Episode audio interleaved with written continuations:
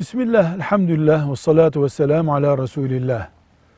Diğer tıbbi imkanlar bittiyse, kalıcı bir zarar da ağırlıklı olarak söz konusu değilse, mide küçültme ameliyatı yapılabilir. Ama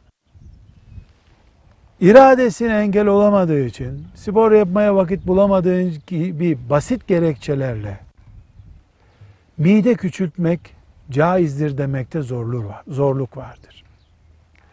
Tıp için bu mide büyüklüğü tehlikelidir. Birinci kural.